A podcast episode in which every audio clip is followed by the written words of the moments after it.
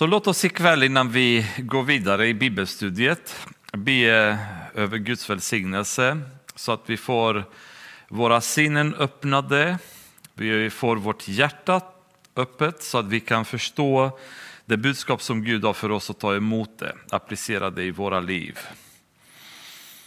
Herre, vi tackar dig för den här kvällen och möjligheten att samlas kring ditt ord igen. Denna underbara bok som du har lämnat oss, där du uppenbarar dig för oss. Herre, låt oss få närma oss med respekt, Herre, ditt ord. Med förväntan att höra vad du har att säga till oss, Herre. Låt oss i all ödmjukhet acceptera att våra tankar, våra idéer, vår kunskap är ingenting, Herre, jämfört med det du har för oss. Låt din kunskap överföras till oss ikväll, din heliga ande får bara verka inom oss, Herre, så att vi förstår din vilja, Herre. Men framför allt att du ger oss kraft, att vi ska göra det ditt ord säger till oss att göra.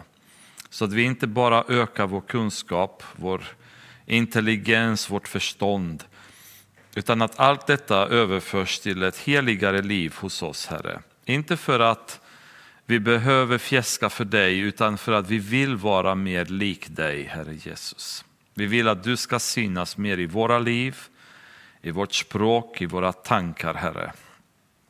I ditt underbara namn ber vi och ber om din välsignelse, om din vishet och kraft inför kvällens bibelstudium. Amen. Ja, eh, förra veckan så hade vi en eh, lite längre introduktion i Apostlagärningarna. Och idag är det tänkt att vi ska gå in i kapitel 1 och kanske till och med hinna med gå igenom hela kapitel 1. Eh, tanken med Apostlagärningarna är också så att vi kommer inte dyka extremt djupt vid varje vers utan vi går igenom boken, vi bekantar oss med boken, försöker att förstå sammanhanget och ehm, plocka de delar som vi känner att Gud leder oss in på som församling, som vi kan ha nytta av, eller anden vi talar om för oss. Och eh, era böner som alltid är uppskattade så att eh, det inte blir jag som talar från min egen kunskap och intelligens utan att det blir ett budskap från heliganden som ska beröra och förändra era liv som lyssnar på det. Så vi kan börja läsa i Apostlagärningarna kapitel 1. I min första skrift, käre Teofilus, skrev jag om allt som Jesus gjorde och lärde. Um, här är lite olycklig översättning tyvärr i min bibel. Det står lite olika beroende på vilken bibelöversättning man har. Men i originalspråket och i ehm, grekiska, det Lukas skriver här egentligen är i min förra skrift, käre Teofilus, skrev jag om allt som Jesus började göra och lära. Eh, I min bibel är den översättningen som en eh, fotnotis då, eh, men i vissa översättningar så är det direkta översättningen i versen. Och jag tyckte att det var väldigt bra att det fanns därför att det förändrar väldigt mycket innehållet av vers 1 när man förstår att det Lukas hade skrivit var att han ville skriva om allt som Jesus började göra och lära. För det första så adresserar han boken till någon som heter Teofilus och det finns väldigt många Eh, spekulationer kring vem denna Teofilus är. Om jag ska vara ärlig så har jag faktiskt inget intresse att gå i de där spekulationerna. För den som vill fördjupa sig så finns det alla möjliga åsikter. Den ena är att han var en eh, rik man ehm, under vilken kanske Lukas arbetade, att han kanske var någon romersk eh, statsman eller att Teofilus var, var bara en beskrivning av den gudälskande människan. Eh, eftersom orden från grekiska teofileo, det betyder um, som älskar Gud, älskad av Gud. Då. Och, um, vad detta betyder och vem personen var, det vet vi inte och därför tänker inte jag gå och spekulera eller ha mina åsikter kring det eftersom det kommer inte göra nytta för någon direkt. Eh, utan det som jag stannar vid i den här versen, det är just det här som Lukas skriver, att han ville nu förmedla i denna skrift, Ehm, eller förlåt, i, i hans förra skrift, det vill säga i Lukas evangeliet, så hade Lukas försökt förmedla det som Jesus började göra och lära. Och det är väldigt fascinerande när man tänker så att evangeliernas slut var inte slutet på Jesu arbete. Evangelierna var början på vad eh, Jesus gjorde och lärde. Och så fortsatte därefter i apostlagärningarna och vidare i historien ända in i vår tid. Där vi fortfarande ser Jesus vara verksam och aktiv. Han fortfarande gör saker, han fortfarande lär oss saker. Och det är så fantastiskt att vi, vi ser att han är en levande Gud som inte har dött på korset, som inte har lämnat oss ensamma, utan han fortsätter och medverkar, han fortsätter att agera och interagera med världshistorien. Skillnaden är dock att han inte gör det längre som kan man säga, en vanlig människa som gick på jorden och var förföljd och bespottad och ifrågasatt. Denna gång så, så gör han det som världens kung. Han är den som har besegrat Satan på korset. Han har nu äganderätten till världen. Han är den som styr världen. Världen är för tillfället fortfarande överlämnat i Satans hand, men den tillhör Jesus och en dag så kommer Jesus kräva tillbaka oss från hans, från hans händer och kräva tillbaka jorden från Satan. Och det är väldigt spännande att Jesus fortsätter att göra saker, han fortsätter att lära saker. Därav säger Lukas att i förra skriften i evangeliet vill han berätta om det som Jesus började göra och lära.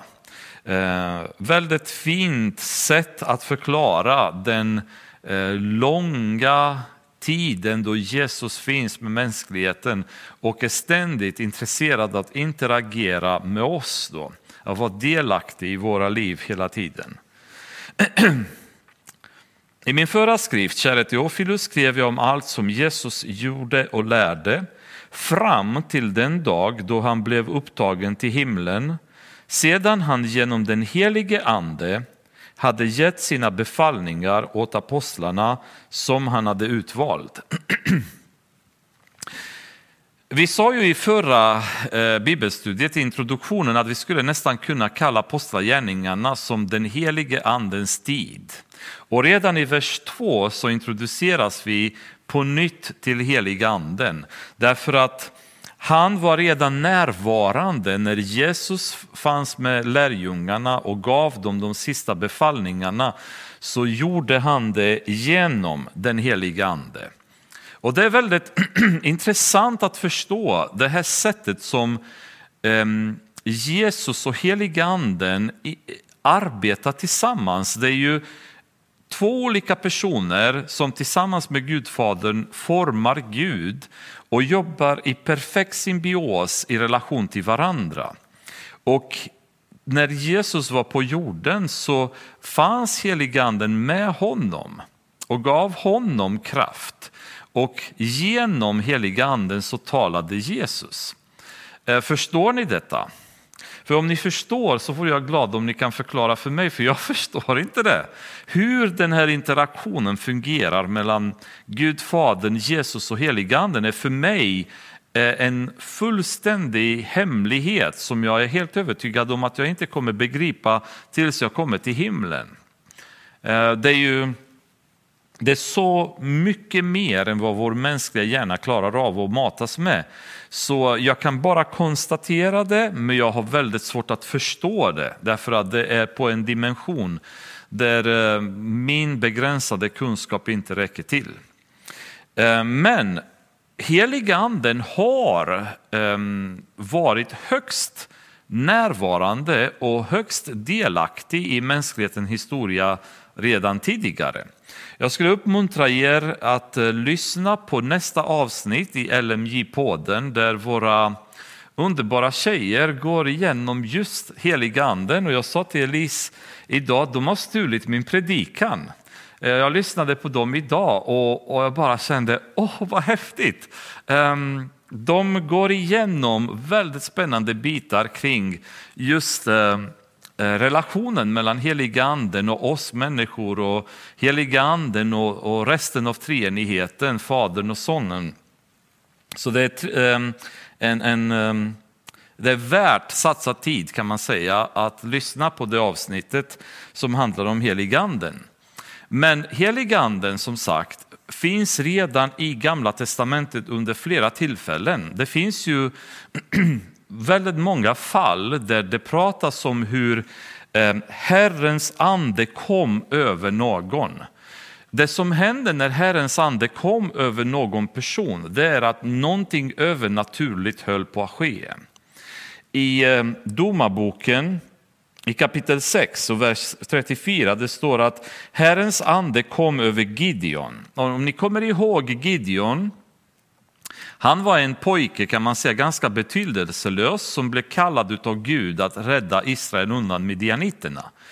Och Gideon ifrågasatte väldigt mycket Gud kring detta eftersom han, han tyckte att jag är jag är en, ingen viktig person, den mest betydelselösa stammen i Israel och jag är den minst betydelsefulla personen i min familj. Så um, du måste ha knackat på fel dörr ungefär, var, var Gideons svar. Och Gud insisterar och säger att han har utvalt Gideon för att leda eh, israelerna till sin frihet undan midjaniternas förtryck.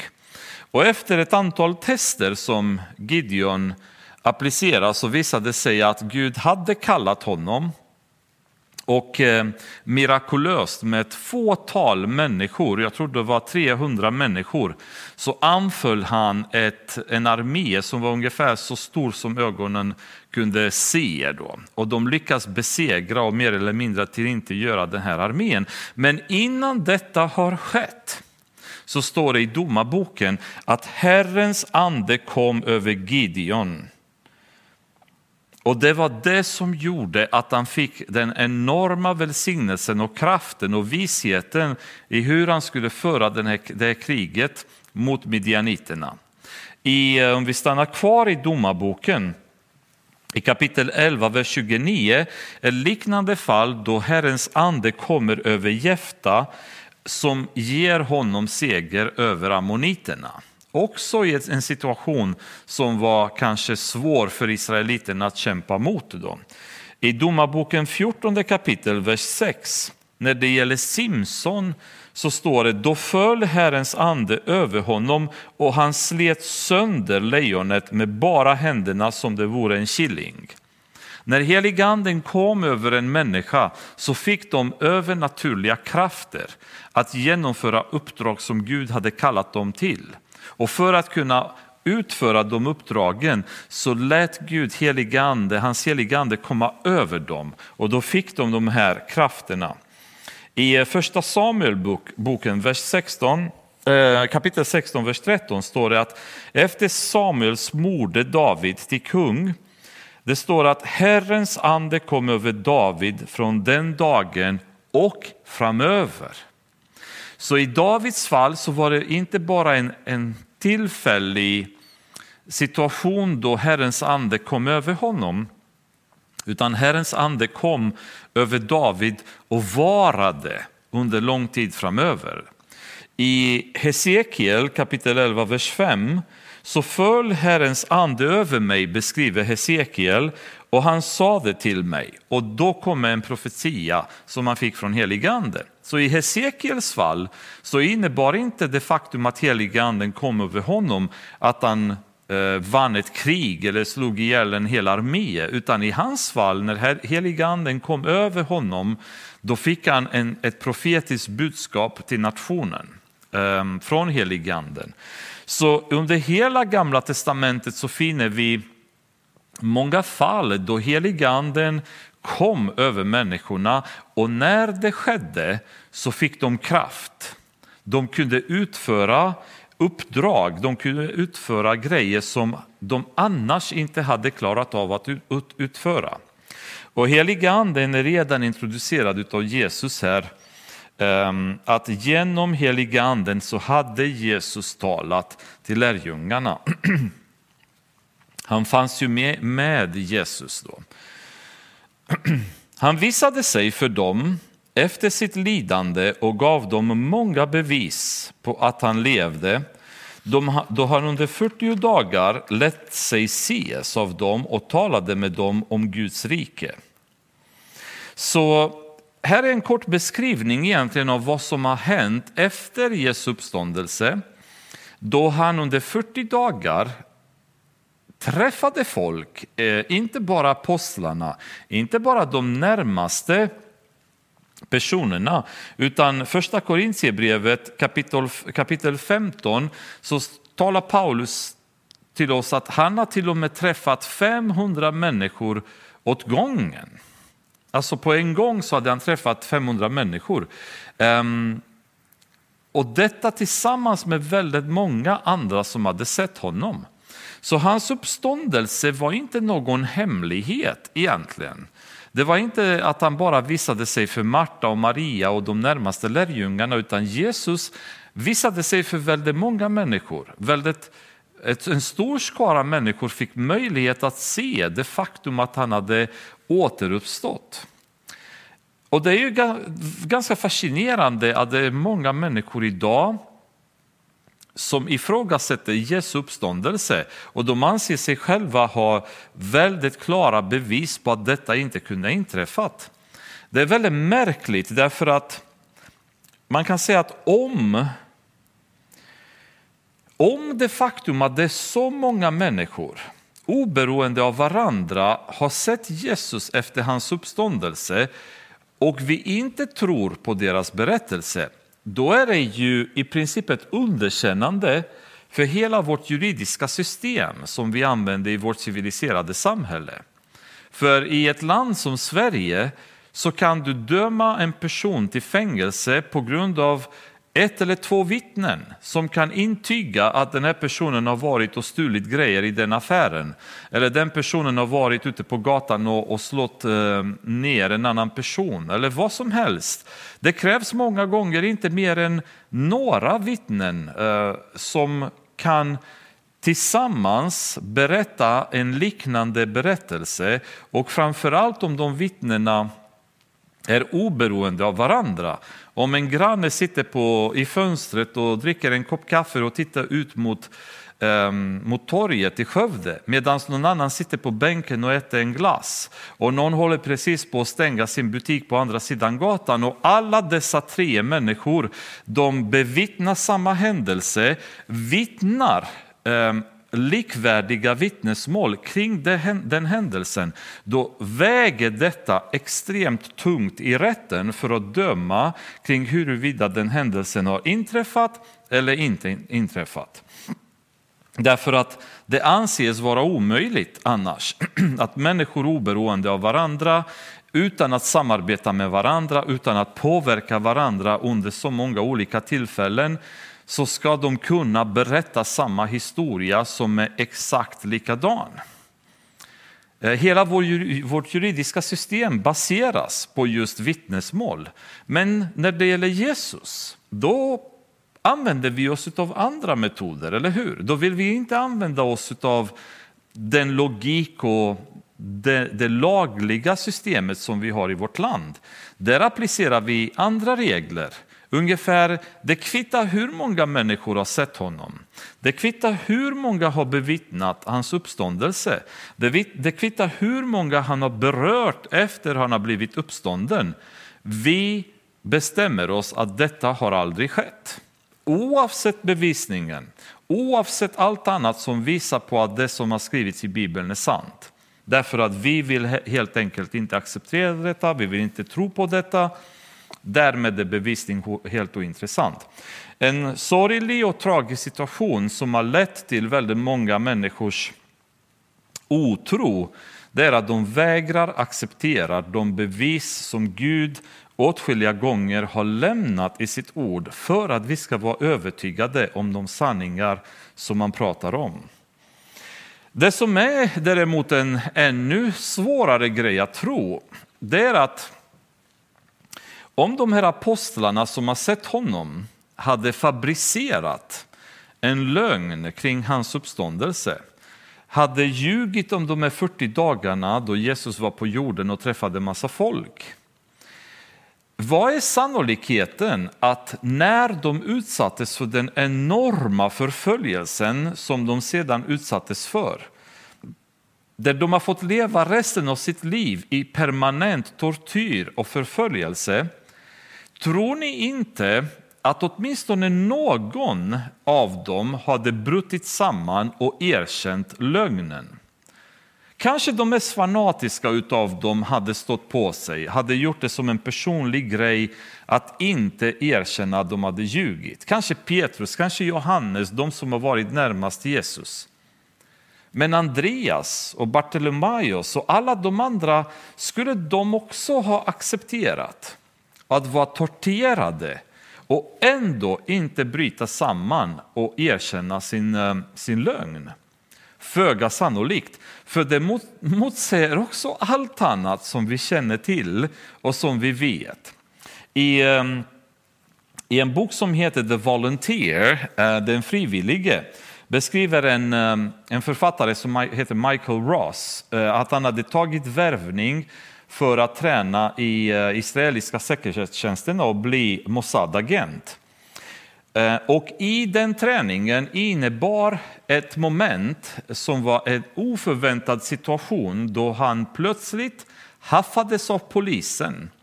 Eh, mitt på gatan i någon stad, togs till en Shin Bet-avdelning och Shin Bet kan man säga det är en säkerhetspolis då i Israel.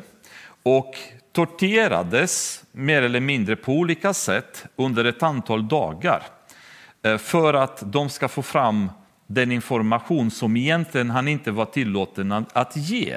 Så de försökte att bryta ner honom. Då. Och I processen så var en eh, bedrövlig och eh, hemsk situation. När testet avbröts då för att kunna gå in och förklara för honom vad det hela handlade om berättade Shimbet-officeren som ledde hela ehm, det förhöret med honom och som ledde hela den här tortyrprocessen.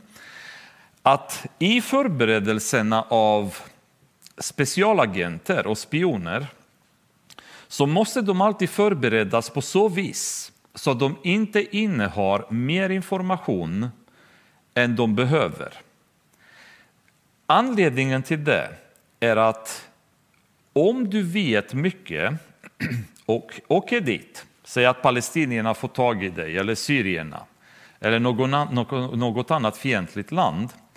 Han sa att varje människa bryter eh, samman under tortyr. Väldigt intressant. Med andra ord sa han, det finns inga människor som vi inte kan bryta ner genom tortyr.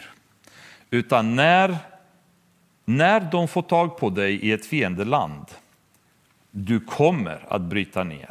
Och när du bryter ner så gäller det om vilken information du kommer ge dem. För om du inte vet mycket, då kan du inte säga mycket. Men om du vet mycket så kommer du säga mycket därför att de bryter dig genom tortyren. Och intressant nog att här har vi tolv apostlar som alla utom en har dött martyrdöd. Och Johannes, som inte har dött martyrdöd, har klarat sig undan martyrdöden med nöd och näppe efter, efter de hade sänkt honom i en tunna med kokande olja och mirakulöst nog klarade han sig vid liv. Så inte ens heller han hade gett upp sin tro och var beredd att dö, det är bara att hans tid inte hade kommit. Och de, de drog honom ut ur oljan och han var fortfarande vid liv. Men alla andra apostlarna har gett sitt liv för den här tron om att Jesus hade återuppstått, att han var Gud. Och intelligenta människor idag säger bara att ah, det här är bara, bara sagor, det är bara religion. Det är bara folk som inte tänker som tror något sånt. Det är bara folk som hatar vetenskap som ens accepterar något sånt här. När allting istället pekar precis åt andra hållet. Det finns nästan ingenting världshistoriskt som är så bevisat och överbevisat som Jesu död och uppståndelse. Ändå så vägrar så många människor att tro på det. Men här, om ni kommer ihåg introduktionen, så pratade jag om hur Lukas vid många tillfällen försöker att förklara de här bitarna som har att göra med bevisning, med resonemang, med eh, kristnas interaktion med eh, regeringsmakter och så vidare för att få fram eh, Eh, autenticiteten i det han pratar om. Det här är inte berättelser, det är inte sagor, det är grejer som har inträffat och är bevittnade av väldigt många människor. Så det är väldigt spännande att han tar lite tid och stannar vid just det här tillfället. Vid en måltid tillsammans med apostlarna befallde han dem Lämna inte Jerusalem utan vänta på vad Fadern har utlovat, det som ni har hört av mig. Ty Johannes döpte med vatten, men ni ska om några dagar bli döpta i den heliga Ande. Så det som Jesus hade talat om för hans apostlar nu var att det kommer, eh, kommer att komma en ny tid i deras liv. Och den här tiden kräver mycket mer från dem än de tidigare hade gått igenom. Och Jesus befaller dem. Han ger dem inte bara ett råd eller tycker det bara är intressant eller kanske smart om ni gör det. Han befaller dem att inte lämna Jerusalem utan stanna kvar och vänta på vad Fadern hade utlovat. Och Det som vi kommer in på nu det är inte bara en tid då de får tillfällig kraft som den gången när Jesus hade skickat dem för att testa att bota sjuka och driva ut demoner och han hade gett dem makt innan. Ehm, utan nu pratar vi om en tid då ehm, den kraften som de behöver kommer ges på ett övernaturligt sätt och kommer stanna vid dem så de kan utföra det uppdraget som är enormt som de kommer få nu. Mycket större uppdrag än de hade fått tidigare och för detta så behöver de vänta tills Fadern ger det som man hade utlovat dem. Det vill säga, nu kommer de bli döpta, inte bara i vatten utan i den heliga Ande. Alltså eh, sänkta in i heliga anden, dränkta in i heliga anden kommer de bli nu. Det är den nivån av kraft som de kommer behöva för det uppdrag som, eh, som Gud hade lovat dem. Och det, det Jesus pratade om här, det är det som han hade redan sagt till dem i Johannes evangeliet kapitel 14, vers 16. Då han säger så här, och jag ska be Fadern och han ska ge er en annan hjälpare som alltid ska vara hos er, sanningens ande som världen inte kan ta emot. Till världen ser honom inte och känner honom inte. Ni känner honom eftersom han förblir hos er och ska vara i er. Och Problemet var att när Jesus hade förvarnat lärjungarna om att han kommer dö så var de inte jätteglada i det och de, de, var förstås bedrövade över det faktum att han behövde lämna dem. Men Jesus förklarade för dem att det är gott för er. Det är bra för er om jag lämnar er därför att när jag lämnar er då kommer Fadern ge er en hjälpare och det är sanningens ande. För skillnaden var nu när Jesus hade varit med dem att han var ju med dem hela tiden fysiskt. Han var begränsad till sin mänskliga kropp som han levde i när han var på jorden. Men Jesus säger nu när jag kommer gå bort till Fadern, då kommer ni få en hjälpare och den här hjälparen han är sanningens ande. Han kommer alltid att vara hos er och han kommer vara i er också och den relationen som ni kommer ha med honom kommer vara till er hjälp. Även namnet på grekiska parakletos, det betyder hjälpare. Någon som jag kan luta mig mot. Någon som ska vara med mig hela tiden. För Helige anden, när han kom över mänskligheten, då är han med oss alla kristna samtidigt oavsett var vi befinner oss. Den fysiska begränsningen som Jesus hade i sin mänskliga kropp är borta. Och när heliga anden kommer så finns det ingen begränsning på jorden var han kan befinna sig, vilka människor kan vara, han kan vara hos. Vi kan alla kristna människor ta del av honom, få hans kraft, få relationen med honom oavsett var på jorden vi befinner oss. Så det är någonting som Jesus förklarar för lärjungarna att det, jag måste till Fadern och det är för er bästa. Eh, och då, då hade de kanske lite svårt att förstå detta, men nu närmar vi oss den tiden då det blir eh, klart för dem vad Jesus hade menat. Och det står här att, att det han pratade om var just det som han hade talat om för dem.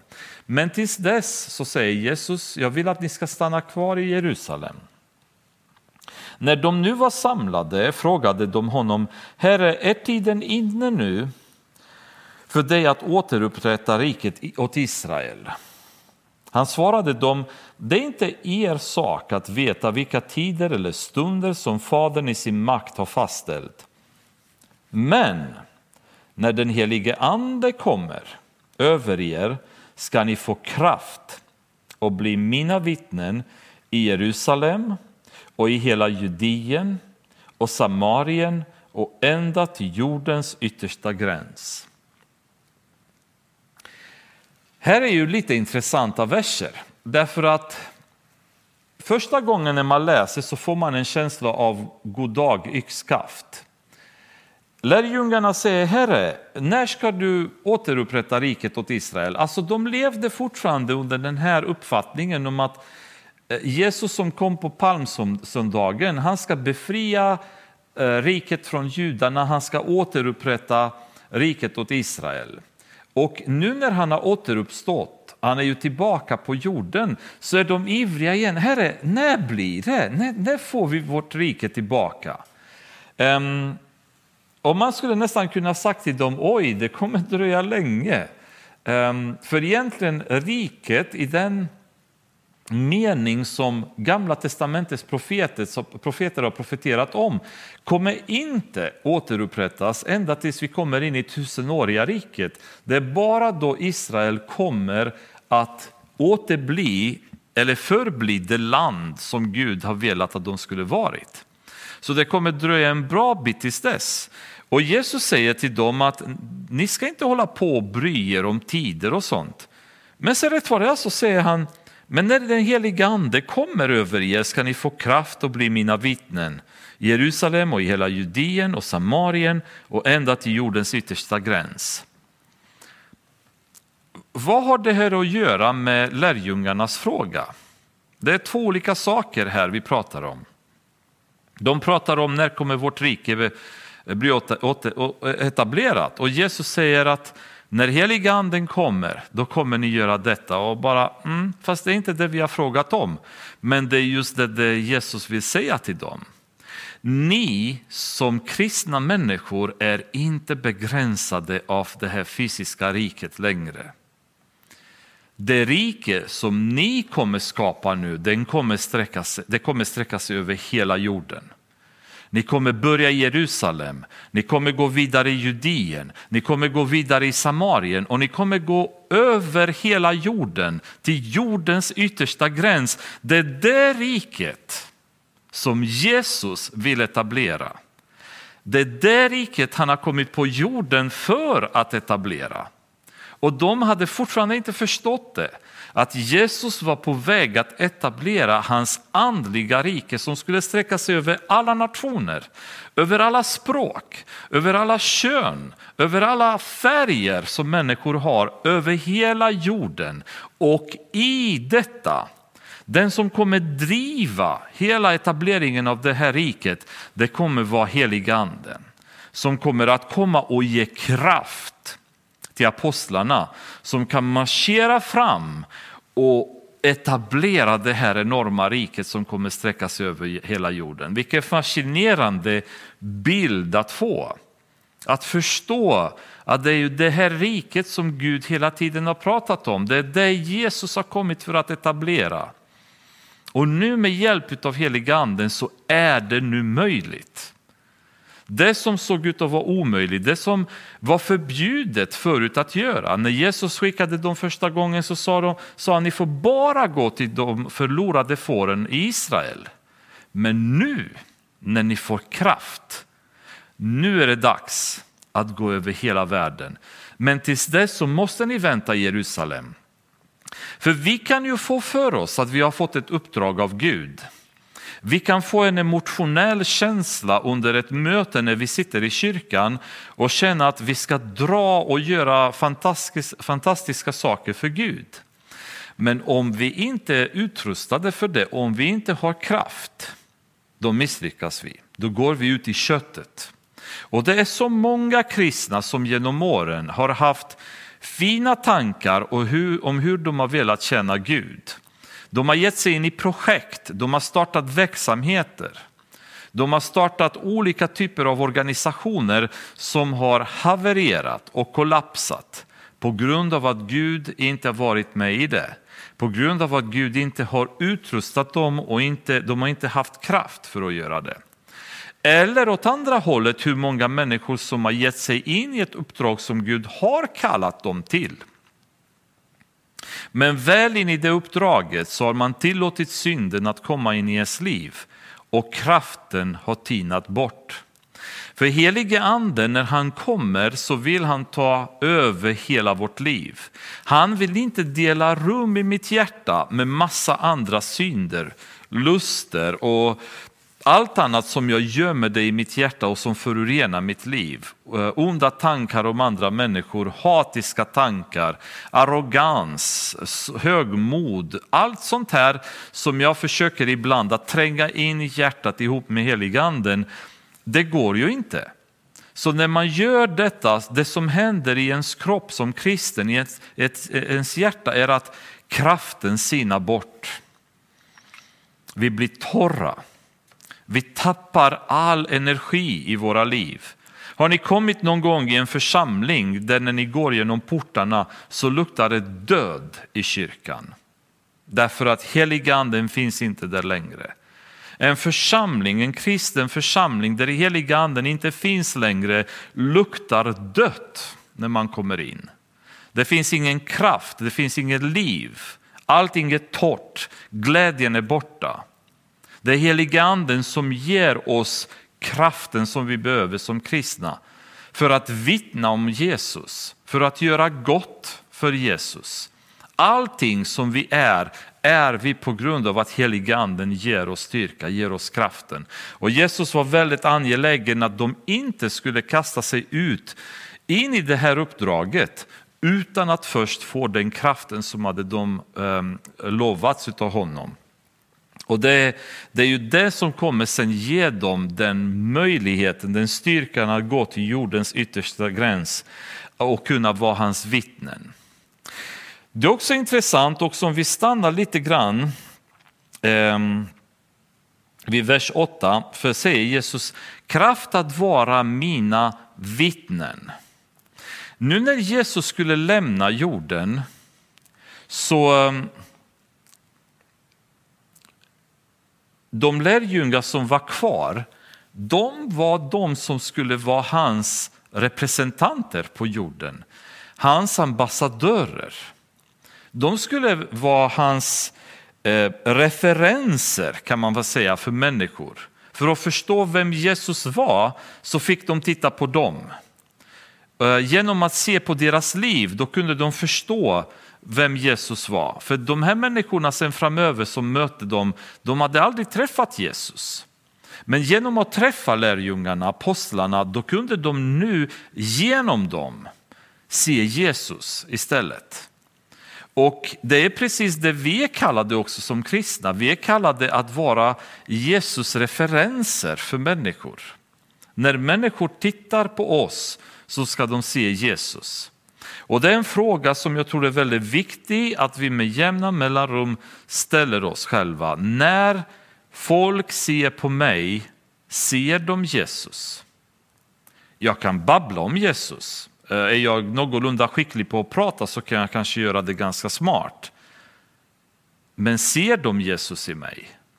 För att vara vittne innebär inte bara att snacka, det innebär att representera Jesus, att vara referensen för människor när de tittar på mig, när de ser mig, när de hör mig, då ska de se Jesus, då ska de höra Jesus.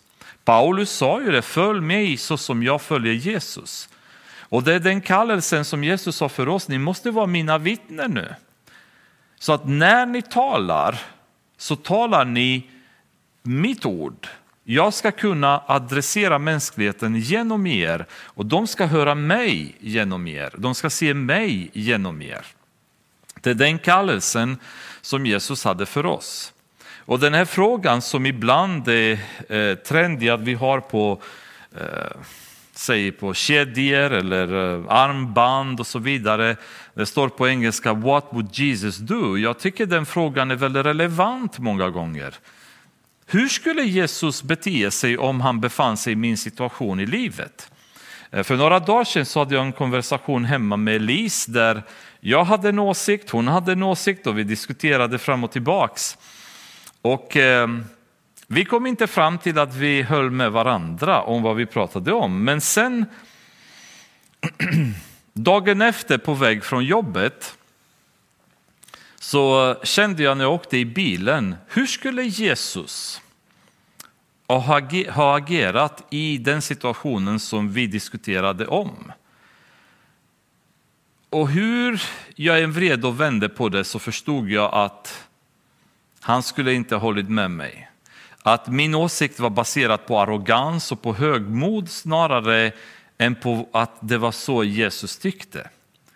Och Det är väldigt märkligt hur snabbt vi blir övertygade om vår synd när vi ställer oss den frågan, skulle Jesus ha gjort det här?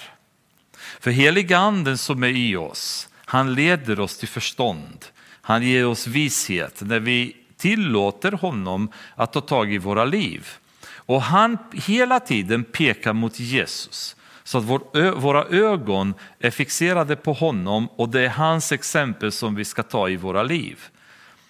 Och vi ska vara hans vittnen, vi ska vara hans representanter, hans referenser. Det är väldigt viktigt att vi tänker på det här. När vi ser ner på någon annan i församlingen, när vi snackar bakom ryggen om någon annan,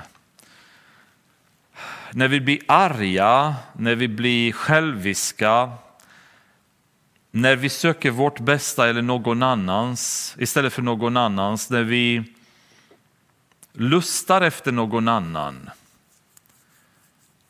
när vi är oförsumliga, när vi spenderar vår tid och jagar världsliga saker, om vi ställer oss hela tiden den här frågan, är vi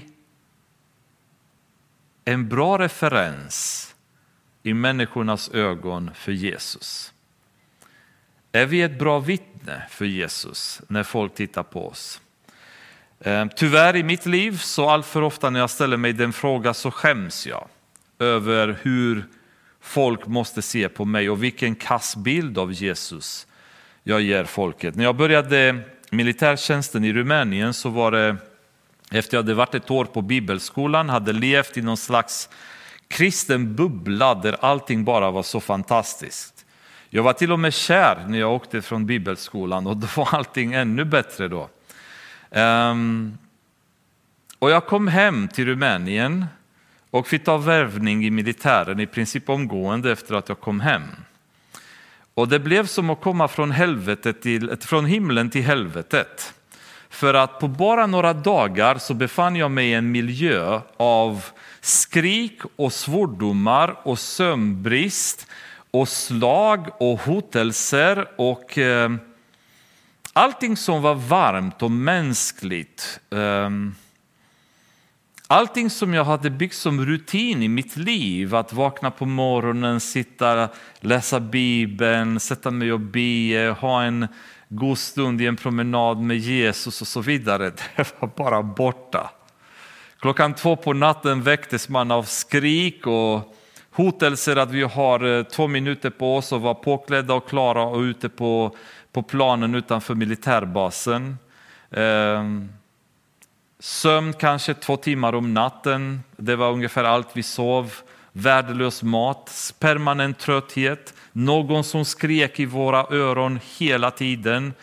Eh, och en atmosfär av helvete, det är bara fult språk och svordomar och ingenting som jag hade levt med i ett år. Efter två veckor så hade hela min rutin, hela min relation med Gud kollapsat. Eh, jag kunde inte be, jag kunde inte läsa Bibeln trots försök att göra det.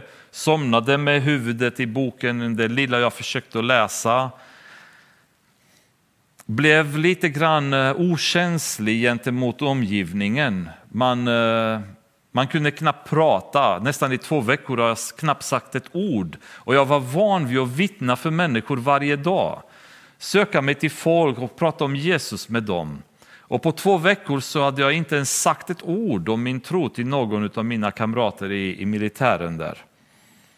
Det tog inte, inte längre tid än två veckor för mig att inte känna igen mig själv. Efter två veckor så kommer en av killarna där som var kollega till mig, kan man säga kamrat i lidandet. Och så började vi snacka med varandra och eh, jag kom in på min tro och började prata med honom om Jesus. Och då tittar han på mig och säger att jag har sett i dig att du är något speciellt. Och jag bara kände, och hur har du lyckats att se det? Hur kunde du se något gott i mig under de här dagarna? Och det är ett mirakel för mig ens idag att han har lyckats att göra det. Men jag kände förmodligen så var det kanske någonting utav heliganden som fortfarande blinkade till i mitt liv. Men det, det fick mig i den här stunden att förstå hur viktigt det är att när folk tittar på oss att de ser Jesus. Vi måste leva ett liv där vi kan vara goda referenser för människor att följa Jesus genom att titta på oss. Det är det som det handlar om när Jesus vill att vi ska vara vittnen för honom.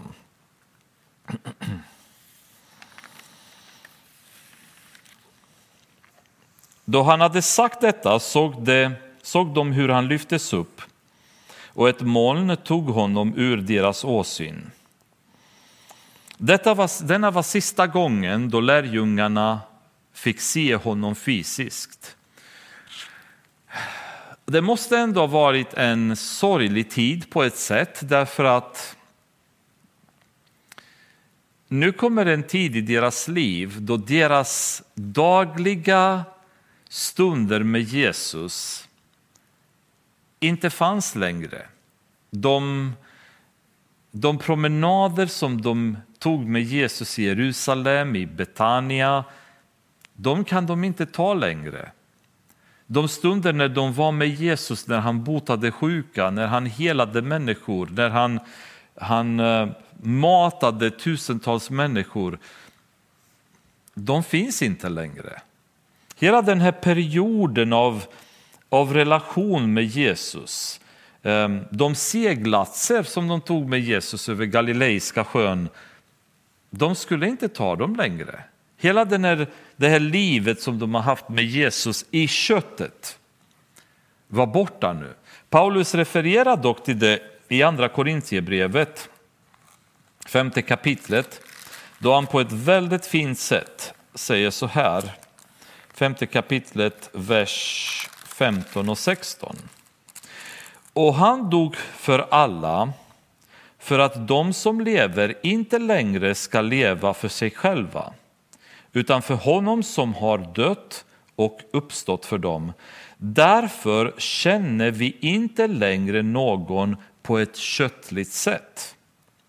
Även om vi lärt känna Kristus på ett köttligt sätt känner vi honom inte längre så. Så även om man har levt med Jesus i köttet fysiskt, nu känner vi inte honom så längre. Han är borta. Det var sista gången som de såg Jesus fysiskt i köttet. Det var nu innan han, eh, han togs upp till himlen. Hela den här perioden är borta. Men däremot så kommer vi nu fortsätta att träffa dessa män som har varit med Jesus. Och som genom den kraft som de får från, de ande, från den helige Ande, de får ett helt nytt ljus i deras ansikten. De får ett helt nytt språk att tala och de får en helt ny atmosfär eh, Ehm, i deras närvaro som gör att människor kan dras till dem. De söker sig till dem, de vill röra vid dem därför att det känns i dem att Jesus finns med. Inte i köttet längre, men genom sin heliga ande nu. Petrus han förblir den samma människa. Han är fortfarande Petrus. Hans personlighet är detsamma. Men det, det som händer i hans liv är att han blir rent eh, så att säga, förändrat inuti av heligande. Han har samma passion, samma driv, samma energi. Men denna gång så kanaliseras det på ett bra sätt i heligandens kraft. Ehm, förändringen som de går igenom förnekar inte det naturliga utan döper nu det naturliga i den övernaturliga. Så de kan nu eh, skapa ett underbart instrument i heligandens hand att kunna utföra mirakel. Dessa vanliga människor får förbli samma personligheter men hela deras inre liv förändras nu. De får en övernaturlig kraft därför att heliganden bor i dem nu, är med dem hela tiden. Inte bara kommer över dem tillfälligt utan heliganden bor i dem, är med dem.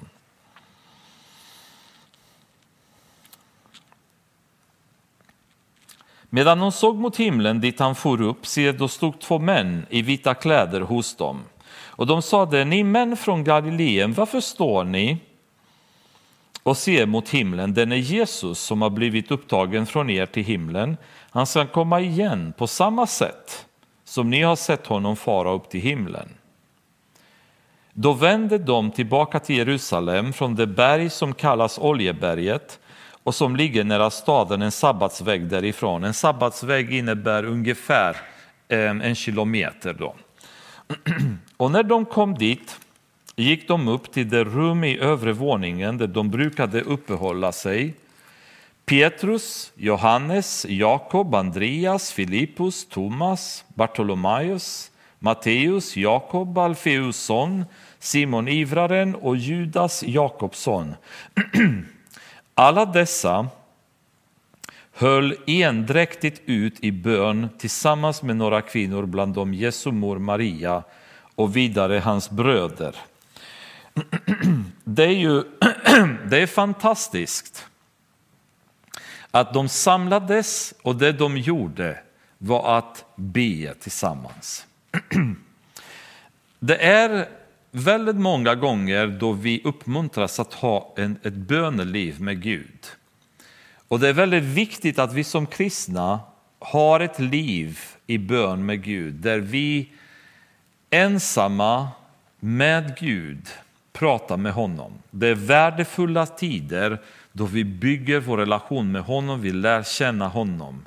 Vi umgås med honom på det sättet som han har skapat oss till att göra. Eh, Gud gick med Adam och Eva i gården, eh, på gården i Edens lustgård för att umgås med varandra. Det fanns en glädje i gemenskapen mellan Gud och människa och det Gud söker hos oss. Att vi i bön ska komma och umgås med honom, att i bön ska vi ta fram viktiga ärenden hos honom, att i bön få svar från honom på det vi har på vårt hjärta. Så enskilda och individuella bönen är väldigt viktig. Vi vet om Daniel bland annat hur han hade sina bönerutiner att tre gånger om dagen gå till sitt hus, stänga dörren, vända mot Jerusalem och be. Det var en, en ritual som han disciplinerat höll sig till, sitt böneliv, tiden då han ensam med Gud är i bön. Men lika viktigt är det att vi samlas tillsammans för att be. Det är ju vad vi ser här lärjungarna göra, där de höll endräktigt ut i bön tillsammans. Så de samlades och i, i enighet bad. Och den bönen är också väldigt viktig. Jesus säger i Matteusevangeliet kapitel 18, vers 19 så här.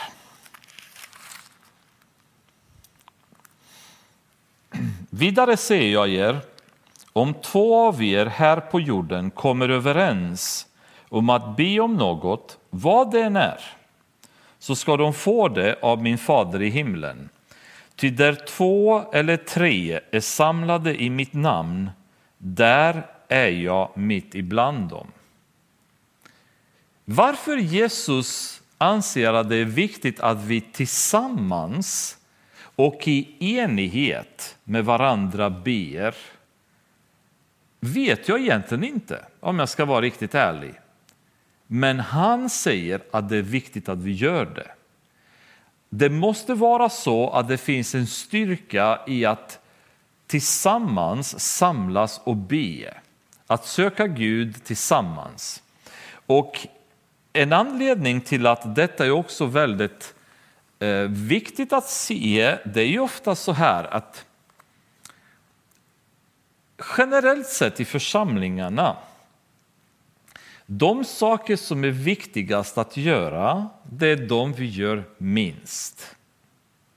Om ni verkligen tänker på det, de saker som är viktigast att göra, det är de vi gör minst.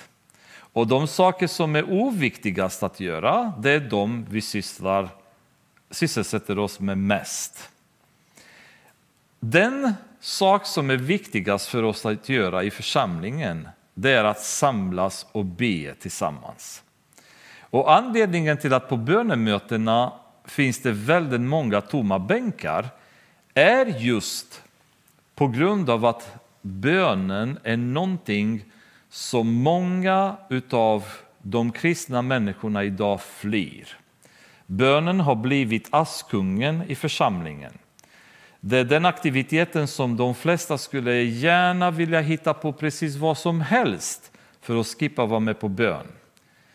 Ehm, den stunden då plötsligt så kommer vi på att vi är trötta och vi är hungriga och vi har så mycket annat som vi behöver så vi, vi skulle så gärna ha velat komma till bönen men vi kunde tyvärr inte.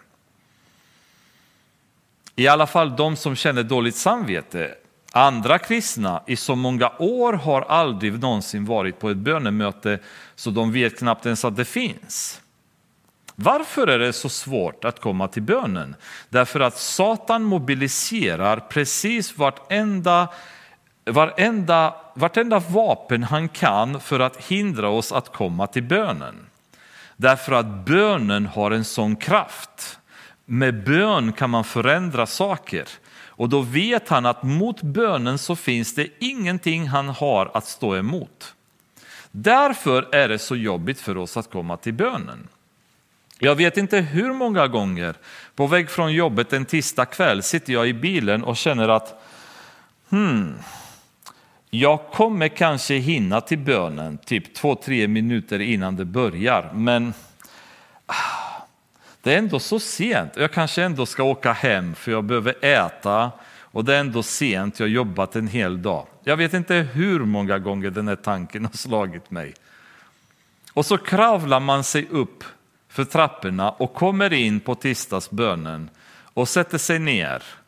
Och så börjar någon läsa en bibelvers och så böjer vi knäna och börjar be och så känner jag bara åh, åh vad skönt. Vad underbart att vara på bönen. Men det är alltid så svårt att komma. Därför att Satan gör allt han bara kan för att förhindra mig att komma till bönen. Då är jag hungrig, då är jag trött, då är jag massa annat jag behöver göra. Jag kanske har en kund, men jag är lika bra, jag gör färdigt med honom och ah, då missar jag bönen, vad synd. Istället för att säga till den kunden, ah, jag måste gå nu, vi ses en annan gång, hej då och så vidare. Man gör allt för att komma undan bönen. Men det lurar vi oss bara själva med därför att det är där som vi får vår kraft. Det är där vi kommer nära Gud. Och bönen tillsammans är viktig. Ibland så har vi varit på bönemöten, jag tror många av er kan vittna, när man kommer in och det känns bara att man, man ber och man undrar om ens Gud hör mina bön, böner. Um, det, det, det, det vilar en tyngd över församlingen. Det känns som att man bara man kommer inte igenom till Gud. Och Det kan finnas många olika orsaker. Det kanske finns synd i ens liv som gör att portarna mellan mig och Gud öppnar sig inte så att jag kan se honom och känna honom så som jag brukar. Det kan vara att det pågår en väldigt hård andlig kamp. Det kan vara så att vi är ansatta just av djävulens angrepp under den här tiden och det är extra kämpigt då dödsskuggans dal är kanske mörkare än det brukar vara. Ändå så säger Jesus om ni är samlade i mitt namn och ber i enighet med varandra, två och tre, där är jag. Där är jag. Ni, ni behöver inte känna det. Eh, ni behöver inte se blixtar och dunder, ni behöver bara veta att där är jag. Om Jesus är med oss här på en tisdag kväll, en lördag morgon, oh, jag kan, vill, eh, kan säga att det är värt det är värt att vi kommer hit. Därför att vi har möjlighet att träffa honom på ett sätt som vi inte kan göra in i våra stängda rum hemma. När vi tillsammans kommer endräktigt i bön så som apostlarna gjorde här tillsammans med Jesu bröder, tillsammans med hans mor Maria.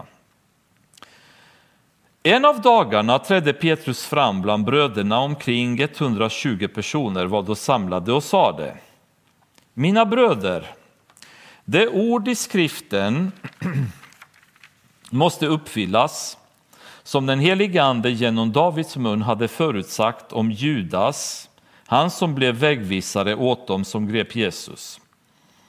Han räknades som en av oss och denna tjänst hade fallit på hans lott. För pengarna som han fick för sitt brott skaffade han sig ett jordstycke och han föll framstupa så att buken brast och alla hans inälvor rann ut. Detta blev känt för alla som bodde i Jerusalem och det jordstycket kallas på deras språk Akel Damak, blodsåkern. I Saltaren står det skrivet, hans gård ska bli öde, ingen ska bo där och hans ämbete ska en annan få. Han refererar här eh, till ehm, psalm 69 och psalm 109 som var en profetia om det som skulle hända med Judas. Då. Eh, och vi behöver inte lägga jättemycket tid, ni, ni känner ju historien, Judas hade förrått Jesus, han gick och hängde sig. Men här får vi bara en extra detalj till det som hände därefter, det vill säga att han ramlade ner sen och hela buken brast och inälvorna kom ut. Så en ganska, ganska groteskt slut kan man väl säga för Judas. Men mitt i den här väntanstiden så kommer Petrus på att just det, det står en profetia i psalmerna om, eh, om att hans ämbete ska en annan få. Och då tänkte Petrus att aha, eh, då måste vi kanske uppfylla den här profetian. Och därför måste en av de män som var med oss under hela den tid Herren Jesus gick in och ut ibland oss, från det att han döptes av Johannes till den dag då han blev upptagen från oss. En av dem måste tillsammans med oss vara ett vittne om hans uppståndelse. Så det var några kriterier som de hade för att man ska bli apostel. Man ska ha varit med Jesus eh, och man ska ha varit ett vittne till hans uppståndelse. Och ehm, det är kanske bara något att ha som parentes. Det finns diskussion idag bland vissa om huruvida man kan vara en apostel idag eller inte i den bibliska funktionsbenämningen av en apostel, det vill säga som de tolv var. Ehm, mitt svar på den frågan är troligen nej, därför att för att vara en apostel så måste man ha varit med Jesus och varit en, ett vittne av hans uppståndelse. Men jag tycker inte heller det är en fråga som är jätteintressant eller jätteviktig att ge ett svar, utan det är mer en, en titel som vissa människor kanske i sitt högmod vill gärna stämpla sig själva med för att få mer uppmärksamhet, mer trovärdighet och så vidare. Personligen tror jag inte att det kan finnas andra apostlar idag.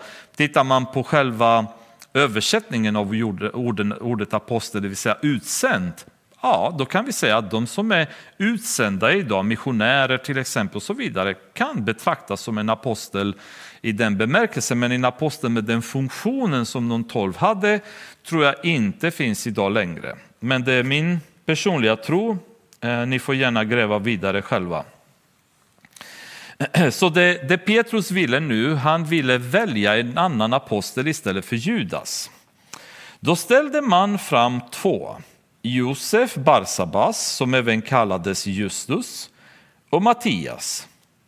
Och de bad, Herre, du som känner allas hjärta, visa vilken av dessa två du har utvalt till att få den apostoliska tjänst som Judas lämnade för att gå till den plats som var hans. De kastade lott mellan dem och lotten föll på Mattias. Så blev han tillsammans med de elva räknad som apostel. Mattias var säkert en väldigt god, en väldigt trevlig person. Men det som händer här, det är det som händer många gånger i våra liv som kristna. Det vill säga, vi vill tvinga Guds hand åt det håll som vi vill att han ska gå. Petrus han hade läst den här profetian och tänkte bara, men vi behöver välja en apostel. Och istället för att samlas tillsammans och börja be och säga Herre, vad tycker du om detta? Hur tycker du att vi ska välja en apostel? Vem ska vi välja? Och låta Gud leda dem rätt i det beslut som man hade tagit. De går själva, tar fram två alternativ. Josef Barsabas och Mattias. Och säger Herre, vilken av dessa två vill du välja? Och även där skulle de kunna stannat och be tills de hade fått Guds svar, som förmodligen hade varit ingen av de två. Men de ställer frågan och istället för att vänta på svar i bön så kastar de lott. Jag menar när du kastar lott så blir det antingen den ena eller den andra. Det behöver inte betyda att det är Guds vilja. Så det är ju en, ett mänskligt sätt, en, en Petrus lik attityd, vi, vi måste göra någonting. Vi måste lösa det problemet och rusar in i det utan att ta hänsyn till att ja, den här profetian kommer att uppfyllas. Men den aposteln som Gud hade valt heter något helt annat. Han heter Paulus och han dyker upp mycket senare i apostlagärningarna. Och det är den som Gud hade valt att vara den som skulle inta Judas plats. Men apostlarna, speciellt Petrus, de har inte tålamod. De rusar fram till att ta ett beslut och detta är första och sista gången som vi hör någonting om Mattias. Vi hör inget mer om honom. vi vet inte vad han har gjort och vem han har varit annars. Ehm, och Det är också en sån här situation där vi ska passa oss för när vi blir entusiastiska, när vi känner att nu vill vi göra något för Jesus och så bara klantar vi oss därför att vi går i egen vishet. Vi går i egen kraft istället för att bara vänta på Gud. Vänta på att han ska leda oss rätt, vänta på att han ska tala rätt i våra liv så att vi kan göra det som han vill att vi gör. Det är alltid en känslighet mellan hur snabbt vi ska springa och hur mycket vi ska vänta på att Herren ska ge oss det vi behöver, den information vi behöver ha, den kraft vi behöver ha. Men det är ju en, en, en, ett spännande sätt kan man säga att avsluta kapitel 1. Det visar oss att de här människorna var inte perfekta. De var inte övermänniskor. De var fortfarande i en, ett läge där de tog dåliga beslut trots att de hade nyligen sagt farväl till Jesus och befann sig kanske i en, en, ett andligt läge som var utöver det vanliga efter att ha sett Jesus bara eh, komma upp mot himlen. Men de är fortfarande människor och de är fortfarande svaga och de gör fortfarande fel. Ehm, det som kommer hända i kapitel 2 däremot, det är det som kommer förändra världen för alltid. Och det är anledningen och orsaken till stor del att vi är idag frälsta medlemmar i den här församlingen och en del av Jesu familj. Men vi kommer ta det nästa gång och tills dess så uppmanar jag er att fortsätta att läsa Apostlagärningarna, gärna något evangelium innan för att få lite sammanhang. Och så eh, vid nästa bibelstudium så gräver vi tillsammans genom kapitel 2. Får vi se hur långt vi kommer i det. Herre, vi tackar dig för ditt ord och ber att du ska låta de här orden vila i våra hjärtan. Vi ber om ditt beskydd, Herre, för den veckan som ska komma. I de ärenden som vi ger oss ut för att utföra. Det är jobb, det är skola, det är familj som vi behöver sköta. Men låt oss att i allt, Herre, behålla i tankarna det faktum att vi är referenser, vi är vittnen för dig inför alla människor. Låt din heliga Ande styra oss och heliga Ande, jag ber att du ska bara rensa allt som finns i våra hjärtan som inte behagar dig där. Det finns mycket skräp som vi försöker att trycka i där.